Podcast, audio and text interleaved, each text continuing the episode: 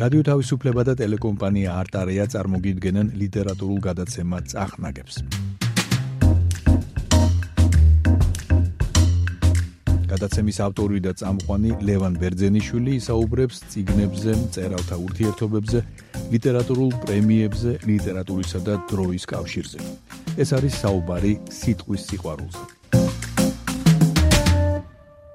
მოგესალმებით ძირფასო მეგობრებო ეს გახლავთ გადაცემა წახნაგები. მე ვარ ლევან ბერძენიშვილი მიმყავს ეს ლიტერატურული გადაცემა. გადაცემაში დიდი ხანი არ არის გვაქვს ერთი ახალი რუბრიკა ეს არის კინო და ლიტერატურა რომელშიც ჩვენ უკვე ვიმჟელეთ ერთ ძალიან ცნობილ ციკლსა და შესანიშნავ მის კინოვერსიაზე ეს იყო ვიღაცა Google-ის ბუდეს გადაუფრინა ან Google-ის ბუდეს სხვამ გადაუფრინა, მოგეხსენება ჩვენ ორი თარგმანი გვაქვს. და დღეს ვისაუბრებთ კიდევ ერთ ძალიან საინტერესო წყვილზე, ციგნზე, რომელიც თომას ხარისის ციგნი გახლავთ, ეს არის კრავთა დუმილი და ასევე შესანიშნავი ფილმი ენტონი ჰოპკინსისა და ჯუდი ფოსტერის მონაწილეობით. რომელსაც ასევე ქვია კრავთა დუმილი, თავის დროზე გადიოდა სახელით კრავთა მდუმარება. სინამდვილეში დუმილი ჯობია, რა თქმა უნდა და ციგნით სწორად არის თარგმნილი.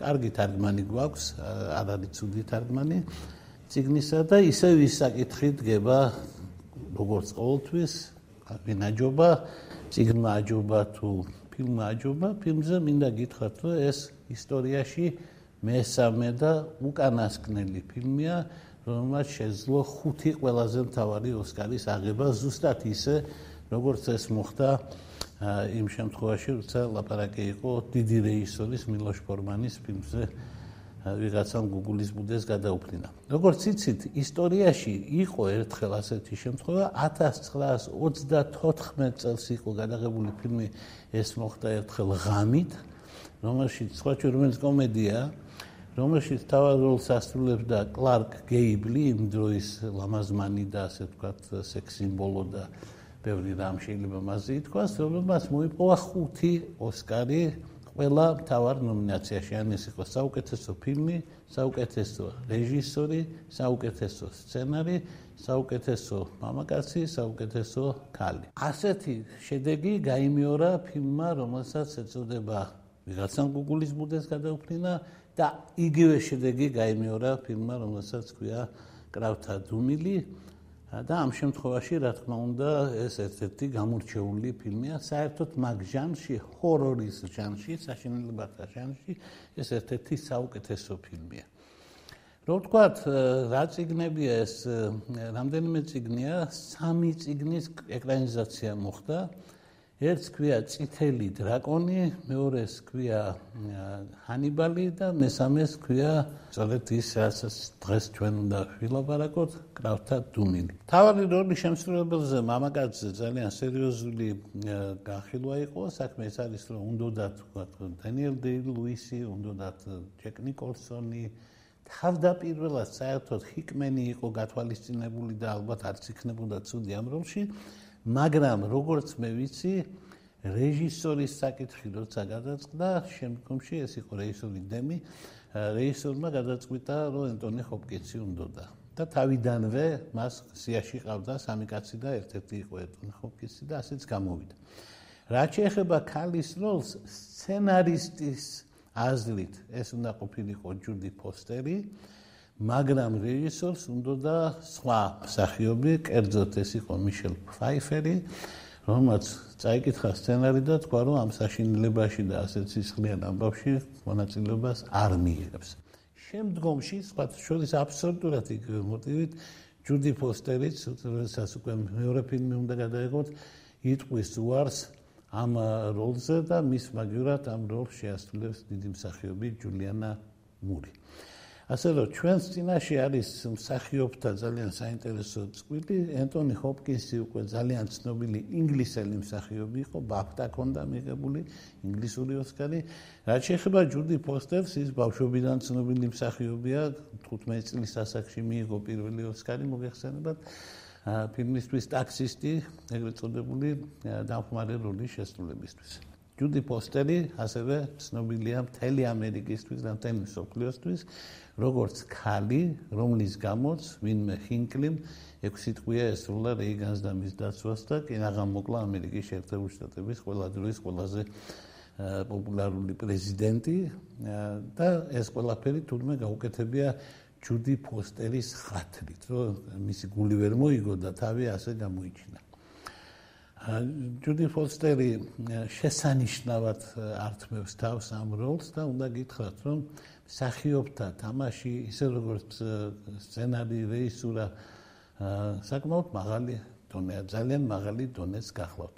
მაგრამ თუ კი მე დადგება საკითხი ისე ვის ვინაჯობა, მე ისე იქ დავრჩები, სადაც ვარ ხოლმე, იმიტომ რომ ამ შესანიშნავმა ფილმას ამ შესანიშნავ წიგნს ვერ აჯობა, თუმცა ვაღიაროთ უნდა იგი უფრო პოპულარული გახდა, იმიტომ რომ წიგნი პირველი იყო ასეთი და ძალიან დიდი პოპულარობით სარგებლობდა, მაგრამ მე იმდენი დაიწერა საშინელებებზე და იმდენი ამ ამ ზღვაში, ჰორორის ზღვაში წიგნი არ ჩაიკარგა, მაგრამ ახლა ერთადერთი და გამორჩეული არ არის. მაშინ როდესაც ფილმი აშკარად გამოირჩა ჰორორის ჟანრის ფილმებიდან და აჯობა უკეთესი რეჟისორის და არანაკლები მსახიობების მიერ გადაღებულ შემდეგ ფილმებს. აჯობა, ყველაფრით აჯობა, იმდანად სერიოზულად წარმატებული ფილმი გამოდგა.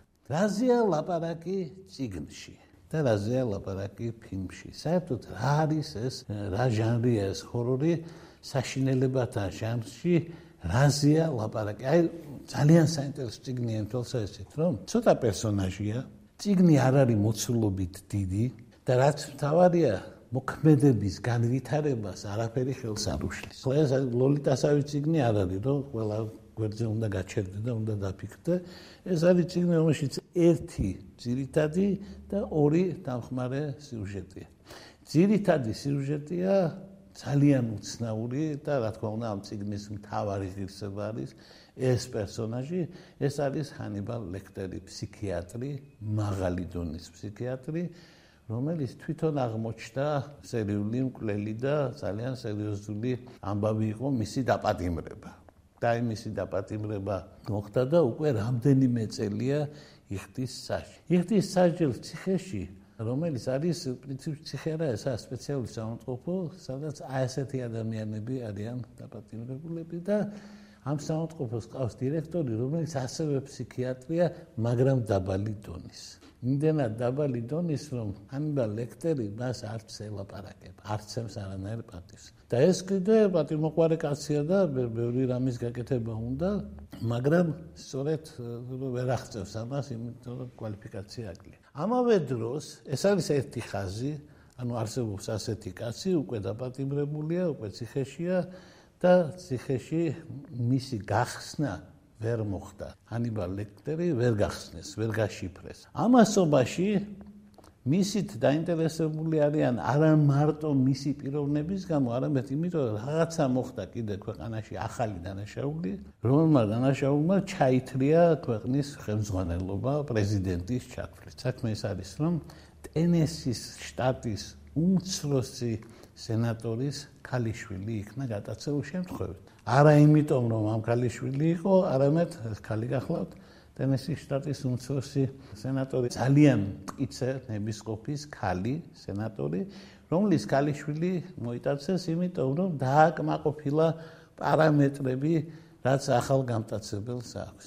გამტაცებელს ამერიკულმა პრესამ, როგორც იციან ხოლმე ყველაფერს აკმევენ სახელებს ქარიშხლიდან დაწყებული კარბონბალათი დაწყებული და ცელული მკვლელები დამთავრებული მას დაარქვეს ბუფალო ბილი. საქმე ის გახლავთ რომ ამერიკის შეერთებული შტატების ისტორიაში მე-19 საუკუნეში და მე-20 დასაწყისში იყო ასეთი კაცი ბუფალო ბილი რომელიც ბიზონებზე ნადირობდა და ამით იყო ცნობილი და ბუფალო ვინაიდან ხარებს ნიშნავს ხარი ბილი თუ ბუფალო ბილი ამ სახელითაა ცნობილი, მაგრამ ვინა და რა არის, არავინ არ იცის.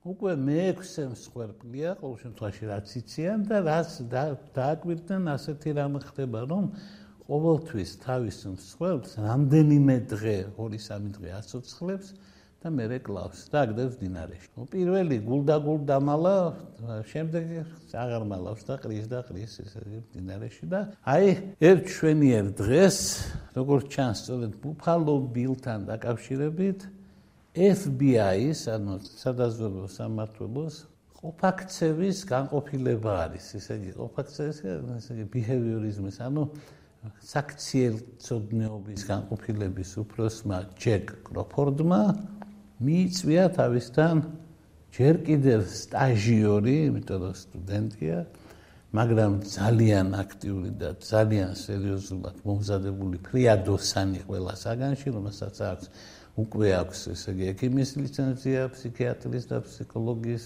აქვს კიდევ ბევრი რამ. და რომელიც აუკეთესო არის ერთ-ერთი ესეთი ქალი, რომელსაც ქვია კლარისა სტარლინგი. კლარი აი ის პროცესს ასრულებდა ჯუდი ფოსტერი. კლარისა სტარლინგი მოიწვია კროფორდმა და აუხსნა, რომ კლარისას ევალება რამენაირად იქნებ გაშიფროს ანიბალ ლექტერი. არეუბნება თავიდანვე, რომ ეს დაკავშირებულია ბუფალო ბილთან, მაგრამ იცის რა შესანიშნავად და იგი როგორც ჩანს ყველაზე მაგარი ფსიქიატრი არის.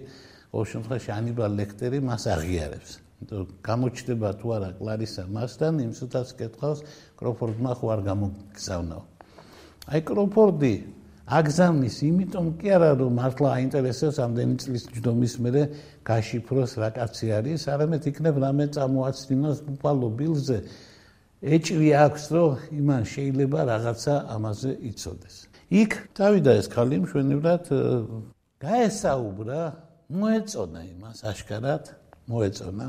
ეს ხალი ტყილად არ შეერჩია კროფორდმა იცის ვინ უნდა გაუგზავნოს მოეწონა მაგრამ ვერ როგორც კი შესთავაზა რაღაცა იმის ტესტები შევსება იმან ეგრევე უარი უთხრა. აქ ასეთი ეპიზოდი მოხდა როდესაც ჩვენი ხალი მიდიოდა მასთან და ეს არის ყველაზე დიდი დელეფანი ამ დელეფნის ბოლოს არის ანიბალ ლექტერი და ყველანაირი წესი უსაფრთხოებისა დაცულია მასთან კონტაქტი არ ხდება მას შეიძლება რაღაცა მიაწოდოს საჭმლის მისაწოდებელი სისტემით მე იმან უკან დააბრუნოს რაღაცა მაგრამ შეხება და სიახლოვე რა თქმა უნდა არ არის მაგრამ გისოსებია გისოსები რო გაიგონა ერთმა პატიმარმა ასევე სერიულმა მკვლელმა ძალიან უზდელური სიტყვა უთხრა.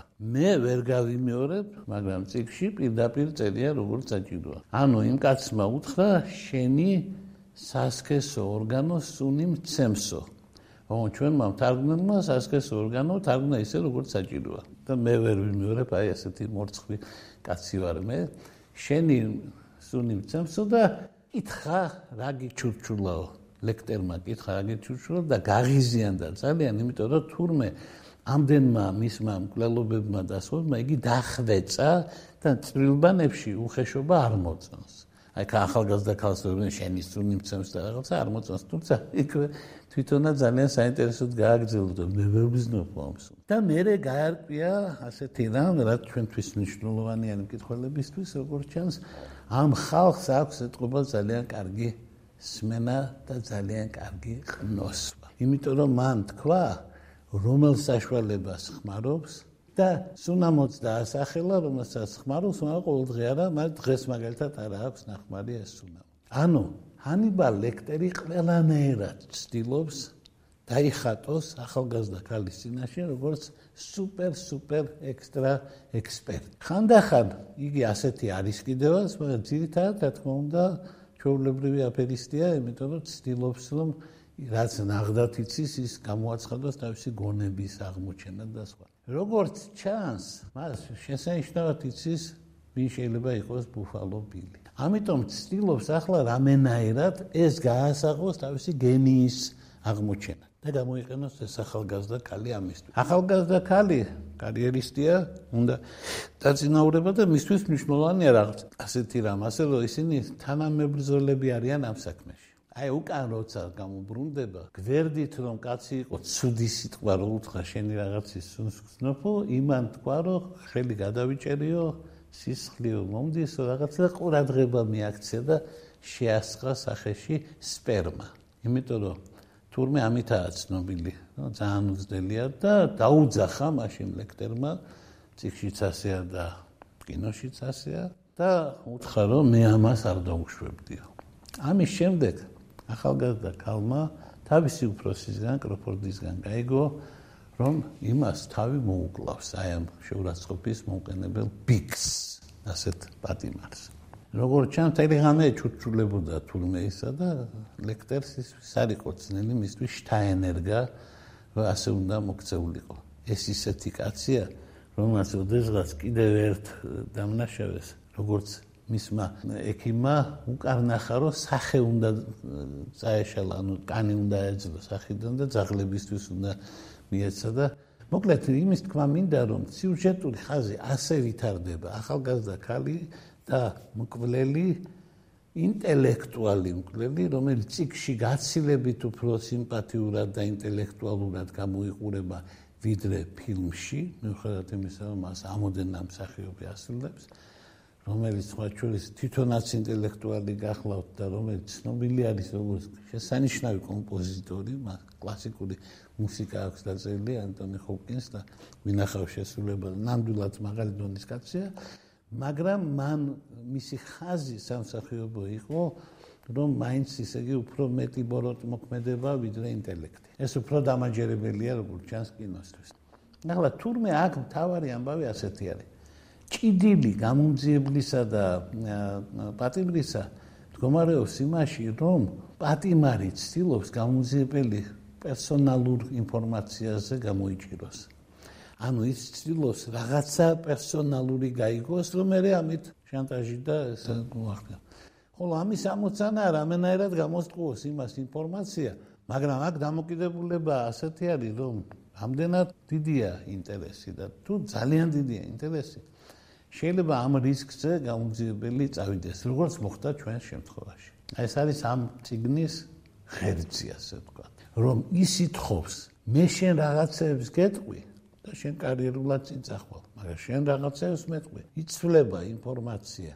და ასე გაჩნდება ეს უცნაური სათაური.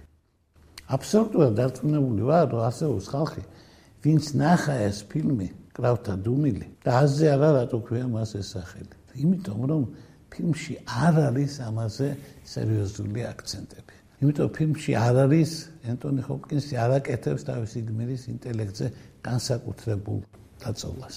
მას აინტერესებს ძალიან მაგრად უმუშავია ერთ 50 ციხეში ყოფილა, უამრავი დამნაშავე უნახავ, შეუსწავლია და სხვა ასეთი კაცია. მაშინ როდესაც ჯუდი ფოსტერი არსად არ მივიდა და არის მენდა და არ უსმენდა და მიუხედავად ამისა, მაინც საშილად გადაიტანა ეს ფილმი. მისგან განსხვავებით, ჯულიან მურმა ბევრი რამ ნახა და მოისმინა. გეტყობა უკეთესი ნერვული სისტემის პატრონია.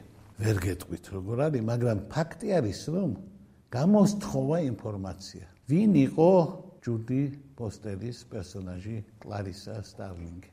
კლარისა სტარლინგი რატომ არის FBI-ში? იმიტომ რომ კლარისა სტარლინგის мама იყო პოლიციის ხელმძღვანელი შერიფი და ცხოვრობდნენ ისინი ხარიბ ოჯახში. მამისი სიკვდილი იყო ყველაზე მთავარი ტრაგედია მის ცხოვრებაში და მან გადაწყვიტა ამ გზის გაგრძელება. და როდესაც მამისი მოკვდა და დედა აღარ ყავდა, ესე იგი ვიღაც ნაცავმა აიყვანეს და იმათთან ვითომ კარგადაც კი იყო, მაგრამ გვერდით იყო ცხოველთა სასაკლაო, სადაც კლავდნენ ცხენებს და მსხვრებს და ირღვევა რომ ყველა დუმს სიკვდილის წინ. არ დუმან მარტო კრავები და ამან მოახდინა გავლენა. პატარა გოგო იყო. მამის სიკვდილის მერე ამას და მას ეს აეკიდა როგორც кошмари და ეს წამოწდა რომ მას პრობლემები აქვს სულ ესმის ეს კრავების ხმა და იმან უთხრა, რომ როცა დაწყნარდებიან კრავები, კრავები როცა დადუმდებიან, ეს ნიშნავს, რომ შენ ფსიქოლოგიურად იქნები გამართული. ამიტომ ქვია ეს სახე. ჯუდი ფოსტერის გმირი ციგნში, ანუ კლარისა სტერლინგი, სტარლინგი ციგში და კლარისა სტარლინგი ფილმში ეს ორი სხვადასხვა პერსონაჟი. ჯერ ერთი ჯუდი ფოსტერი ტირის ფილმში. ანუ მას აქვს ფსიქოლოგიური პრობლემა და მან უნდა დაძლიოს ფსიქოლოგიური პრობლემა. ციგნში მას აქვს მორალური პრობლემა. იმიტომ რომ მან ციგში უნდა დაძლიოს მორალური პრობლემა ახალგაზრდა ქალი, რომელიც შეპრობილი ყავს მანიაკს, გაათავისუფლოს და გარისკოს იმ ფასად, რომ შეიძლება გარისხონ უნივერსიტეტიდან, იმიტომ რომ სტუდენტია და გამოსტაზე ვერ გადის, თუ არ გარისკოს. აი ეს ნეობრივი პრობლემა დგას და იგი თავის კარიერას, რომელიც მისთვის ყველაფერი იყო, ადამიანისთვის ეს კარიერა არის ძალიან მნიშვნელოვანი და უცებ დადგა პრობლემის წინაშე. კარიერისთვის აუცილებლად უნდა შევიფყროთ ეს კაცი, მაგრამ უნიშნელოა კარიერისთვის უნიშნელოა მეექვსე მსხვერპლი ეყოლება თუ მეშვიდე თუ მეჩვიდმეტე უნდა შევიფყროთ ბოლოს. ვინ შეიფყრავს ის მაგარია. მაგრამ დადგა საკითხი რომ ახალგაზრდა ხალი არის და ცოცხალია ჯერ კიდევ. სხვათა შორის უნდა გითხრათ რომ იმდენად რთულია ეს საკითხი რომ ამ როლის შემსრულებელი ამ ახალგაზრდა გატაცებული ხალის და მისი მანიაკი ვინც ის გაიტაცა რომელსაც ჯემი ქვია სხვა ჩვენის ჯეიმი განი ასეთი კაცი არის ეს ვინც არის ბუფალობილი. ამ ჯეიმ განის როლის შემსრულებელსა და მის მიერ გადაცებული კეთრინ ბეიკერ მარტინს ეს როლის შემსრულებელს შორის ფილმის გადაღების დროს იფეთქა რომანმა ან უნდა ვიცოდეთ რომ ეს დამოკიდებულებები ამ ხასიათისაც არის ანუ ეგრეთ წოდებული სტოკჰოლმის სინდრომი რო უყარდებათ გამტაცებლები და სხვა ეგ არის ნამდვილი ამბავი და ამ ფილმში ფილმში კი არა ფილმის გვერდით ასე ვთქვათ ისტორიაში ეს ამბავი მოხდა. ხასგასმით მინდა აღნიშნო ერთი განსაკუთრებული მომენტი. როგორ უკარნახა მოქმედება რა უნდა გაეკეთებინა ციხეში მყოფმა პატიმარმა გაუნძიებოს როგორ გააკეთებინა კარიერა. ფილმში მან უთხრა დაიმახსოვრე ჩემი პაციენტის ყოფილი გვარი ესა კოსტა და მე ყველაფერი ამ კოსტას ძალიან იოლად იპოვა. კოსტას ავტომობილი ამ ავტომობილში მოჭრილი თავი და შემდეგ. ძალიან იოლად ხდება ფილმში ეგ ამბავი. მაშინ როდესაც ციგნში აი ფაქტობრივად ესე იგი ინტელექტის ზეიმია ეგ ნაწილი იმიტომ იმან უკარნახა ვიღაცა კაცი რომლის მანქანა დიდი ხანია გაყიდულია და ნაწილებათა დაშლილი და მანქანაში უნდა ნახო და მიუხედავად იმისა რომ ეს ქალი მიხვდა როგორ უნდა ეძებოს იპოვა ეს მანქანა და ყველაზე მაგარი თაციგში არის რაც არ აღმოჩნდა ფილმში არის ასეთი სცენა რომ იპოვა ქალმა მოკვეთილი თავი გამოდის და იცავს ახლა ამ ტერიტორიას მაგრამ სანამ მოვა პოლიცია და FBI მანამდე მოაპრესა რა თქმა უნდა. და არ აქვს იარაღი იმიტომ რომ არ არ იყო შეერაღებული არ მისცეს ამ დავალების დროს იარაღი. არ აქვს იარაღი ერთადერთი რაც აქვს ეს არის მანქანის ასე თქვა ასაწევი დამკრაცლო ეძახით ჩვენ არც ვიცი ქართულად რა ქვია და არ ეწყინოს არავის მაგრამ რუსული არა ეს სიტყვა და ამიტომ გავბედავ და ვიხმარ. მოკლედ ეს დემოკრატი აქვს ხელში და პრესა რომ მოვიდა პრესას ამით ემუქრება იმათ რა თქმა უნდა ეს გადაიღეს და რა თქმა უნდა ეს თელ ამერიკაში ყველამ დაინახა რომ FBI-ის ახალგაზრდა გამოძიებელი ჟურნალისტებს იმას უღერს უღერებს დამკრას და საერთოდ ცუდად გამოიყურება და თურმე FBI-ში ყველაზე უფრო არ უყვართ ეგა რომ მათი აგენტი გამომჟღავნდება და გამოჩნდება რაღაც ეკნავს და ეს მის კარიერულად ემუქრება მაგრამ ის სწორად მოქმედებს. მან უნდა დაიცვას ეს ადგილი და არაერთი ჟურნალისტი არ უნდა შევიდეს. სწორად მოქმედებს მაგრამ ძიმეულად ხატავს. იმდენად შემაშფოთებელი არის ასეთი რამ რომ ფილმში მიხვდნენ რომ ეს არც უნდა გადაიღონ. იმიტომ ამას თუ გადაიღებდნენ მაშინ ამერიკელებიც კი მიხვდებოდნენ რომ ეს ვერ არის მაგარი პერსონაჟი, იმიტომ რომ გამოამჟღავნა თავი. კინოს არ უყვარს ასე ვთქვათ, საეჭვო ეპიზოდები. კინოში უნდა იბრძოლოს ადამიანმა და უნდა გამოიმარჯვოს. ოსკარი თუ გინდა, უნდა გამოიმარჯვოს. აი თუ ვერ იპოვიდა კლარისა სტარლინგი, ესე იგი ბუფალო ბილს და ვერ გადაარჩენდა იმ ქალს, ან თუ იპოვიდა, მაგრამ ქალს ვერ გადაარჩენდა, ოსკარს არ მიცემდა. ოსკარი არის იმ შემთხვევაში მარტო, როცა გადაარჩენ, ყველას გაამარცხებ და საკუთარ თავსაც გაძლიერდები და დაამარცხებ. ჯუდი პოსტერი მოქმედებდა მეორე ოსკარის მისაღებად სწორად. ну თან ახლა ეს არ იქნებოდა მისი გადაწყვეტილება მარტო და ის სულაც იყო, მაგრამ კიდევ ერთხელ მინდა თქვათ, რომ თუ ვინმეს ეს ციგნი არ წაუკითხავს, მან უნდა იცოდეს, რომ მან დაკარგა ფაქტობრივად ნახევარი პერსონაჟი. ანუ შესანიშნავი მსახიობი ჯუდი პოსტერი იმის ნახევარია რაც არის უბრწყინვალესი პერსონაჟი კლარისა სტარლინგი ამიტომ როდესაც ლაპარაკია ციგნის და ფილმის მიმართებაზე მე ამ ციკს არ ჩამოვწერდი არავითარ შემთხვევაში. თუმცა კი წარმოვიდგენია რამდენ საათს ფილმი ნანახი და რამდენ საათს ციგნი წაკითხა, რა თქმა უნდა, ყოველთვის ფილმი ამ თვალსაჩინო გამარჯვებული და სერიოზული გამარჯვებულია. მე შემიძლია თქვა ასეთი რამ დასკვნის სახით. ჩვენ უკვე მეორე ფილმი განვიხილეთ, ან არ განვიხილეთ უბრალოდ ფილმი, ხუთ ოსკარიანი, ანუ სრული კომპლექტი აქვს, ასე თქვა, გამარჯვებების, სადაც ნამდვილად შესანიშნავი ქალი, შესანიშნავი კაცი, წინვალე რეჟისორი შესანიშნავი სცენარი და გადასარევი, ასე თქვა, ფილმი გამოვიდა ნამდვილად და მიუხედავად ამისა, სულ მახსენდება ის, რაც თქვა ჰიჩკოკმა, რომ უნდა გადაიღო კარგი წიგნი. აი ეს არის შემთხვევა, ეს კარგი წიგნია. ეს კარგი წიგნია. ეს არ არის კენკიზის ციგნი, ეს არ არის საუკეთესო ციგნი, ეს არ არის გენიალური ციგნი. ეს უბრალოდ კარგი ციგნია.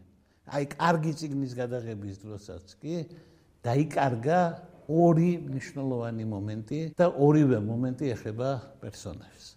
ანუ კინ კინ ახლა ეს პატარა დასკვნა არის, შეიძლება და არ არის მნიშვნელოვანი, მაგრამ ჯერჯერობით განხილვაში ჩანს, რომ იქაც პერსონაჟი დაიკარგა თუ გახსოვთ, ისე იგი ინდიელის პერსონაჟი დაგვეკარგა რაღაცა Google-ის ბუდეს გადავქნია. ესე იგი, პატარა დასკვნა შეგვიძლია უკვე გავაკეთოთ, როცა ვადარებთ ამ ორდამეს. რა თქმა უნდა, შეიძლება კინომ ციგსაც აჯობოს და ყველაფერს გააჩნია რა ციგნია. კარგი ციგ შეიძლება აჯობოს, საუკეთესოს ვერ აჯობებს, ანაკარენინას ვერ აჯობებს, ვეფხისტყაოსანს ვერ აჯობებს, მაგრამ შეუძლია აჯობოს ვიცით ერთი ორი შემთხვევა, როცა აჯობა. მე მაგალითად ძალიან მიყვარს ციგნი რომელსაც ქვია მექანიკური პორტოხალი, მაგრამ ფილმმა აჯობა და კუბრიკმა აჯობა ავტორს. ვქნათ? კაი ციგნია, მაგრამ რეჟისორი აღმოჩნდა კიდევ უფრო მაგარი. ახლა კარგად ვთქვათ, ციგნის თავარი ამბავი რა არის? ციგნისთვის სიუჟეტი უფრო თავარი არის თუ პერსონაჟი. აი, როგორ ჩანს, აქ არის მთელი ამბავი ამ დაპირისპირების. ციგნისთვის თავარი ადამიანი, ამ ციგნისთვის თავარი ფილმისთვის თავარი არის ამბავი. ეს არის მათი სტრუქტურული თავარი განსხვავება ამიტომ როდესაც ნამდვილ ფილმს აკეთებ და კაი რეჟისორი ხარ, დაჩაგრავ სახეებს და თუ არ დაჩაგრავ და შეეცდები რომ სახე კარგად გამოგივიდეს, ну რაღაცნაირად ტარკოვსკი გამოდიხარ, რომელსაც შეიძლება რეჟისორებს კონდეთ რამე ტიპის პრეტენზიები. იმიტომ რომ არ არის ყველა ხელოვნება, ყველაფრის შემძლე. კინოს როგორც ჩანს, დრაივი, ანუ მოქმედება ძალიან სერიოზულად ჭირდება და ამიტომ უნდა გაუგოთ კიდევაც როცა ასეთ რამეს აკეთებენ როცა კატინგში ანუ მოჭრაში ხვდებიან ხოლმე პერსონაჟები და ღრმა ხასიათები. აი ამიტომ გონია მე რომ ვეფხისტყაოსნის გადაღება იქნება შეუძლებელი და ვეფხისტყაოსაში. სოფლიო ლიტერატურისგან აი ყველასგან გამორჩეული მსახიობები ესენი სახეებია რომელთა მოჭრა როგორც კი მოხდება და უცებ გახდება ესე იგი დევნა და ის უფრო მნიშვნელოვანი იქნება 12 ხმარო გამოეკიდა ტარიელს ვიდრე ტარიელი როიჯდა და ტირო და ეს არ იქნება ის რაც რუსთავმა დაგვიწერა და ახლოსაც არ იქნება თუმცა მე Google-ში მატკივრებდი მაინც თქვა თუ რომელიმე HBO სერიალს გააკეთებდა უგულში მატკივრებდი და იქნება ასე მაინც გავიტანოთ და სხვა, მაგრამ ისე მინდა ვთქვა, რომ რაც უფრო დრო გადის, მით უფრო მაინტერესებს ეს რუბრიკა, ასე რომ ჩვენ მას კიდევ მოუბრუნდებით. მე მადლობა მინდა უთხრა ჩვენი თითქმის 25000 მსმენელს და მეგობარს, რომელიც ამ ჯგუფის წევრია, 24000-მდეა დღეს. მაგრამ მალე იქნება 25000-ის, მაგას აუცილებლად გამოაცხადებ, როცა იქნება. სწორედ იქიდან მოვიდა რჩევა, გაგვეხილა ეს ფილმი და ეს ციგნი. ველოდები სხვა რჩევებსაც, კიდევ იქნება კარგი ციგნები და ფილმები. მეც მაქვს ჩემი აზრები, ასე რომ ამ რუბრიკას რამდენიმე ხნის შემდეგ ჩვენ კიდევ მოვუბრუნდებით.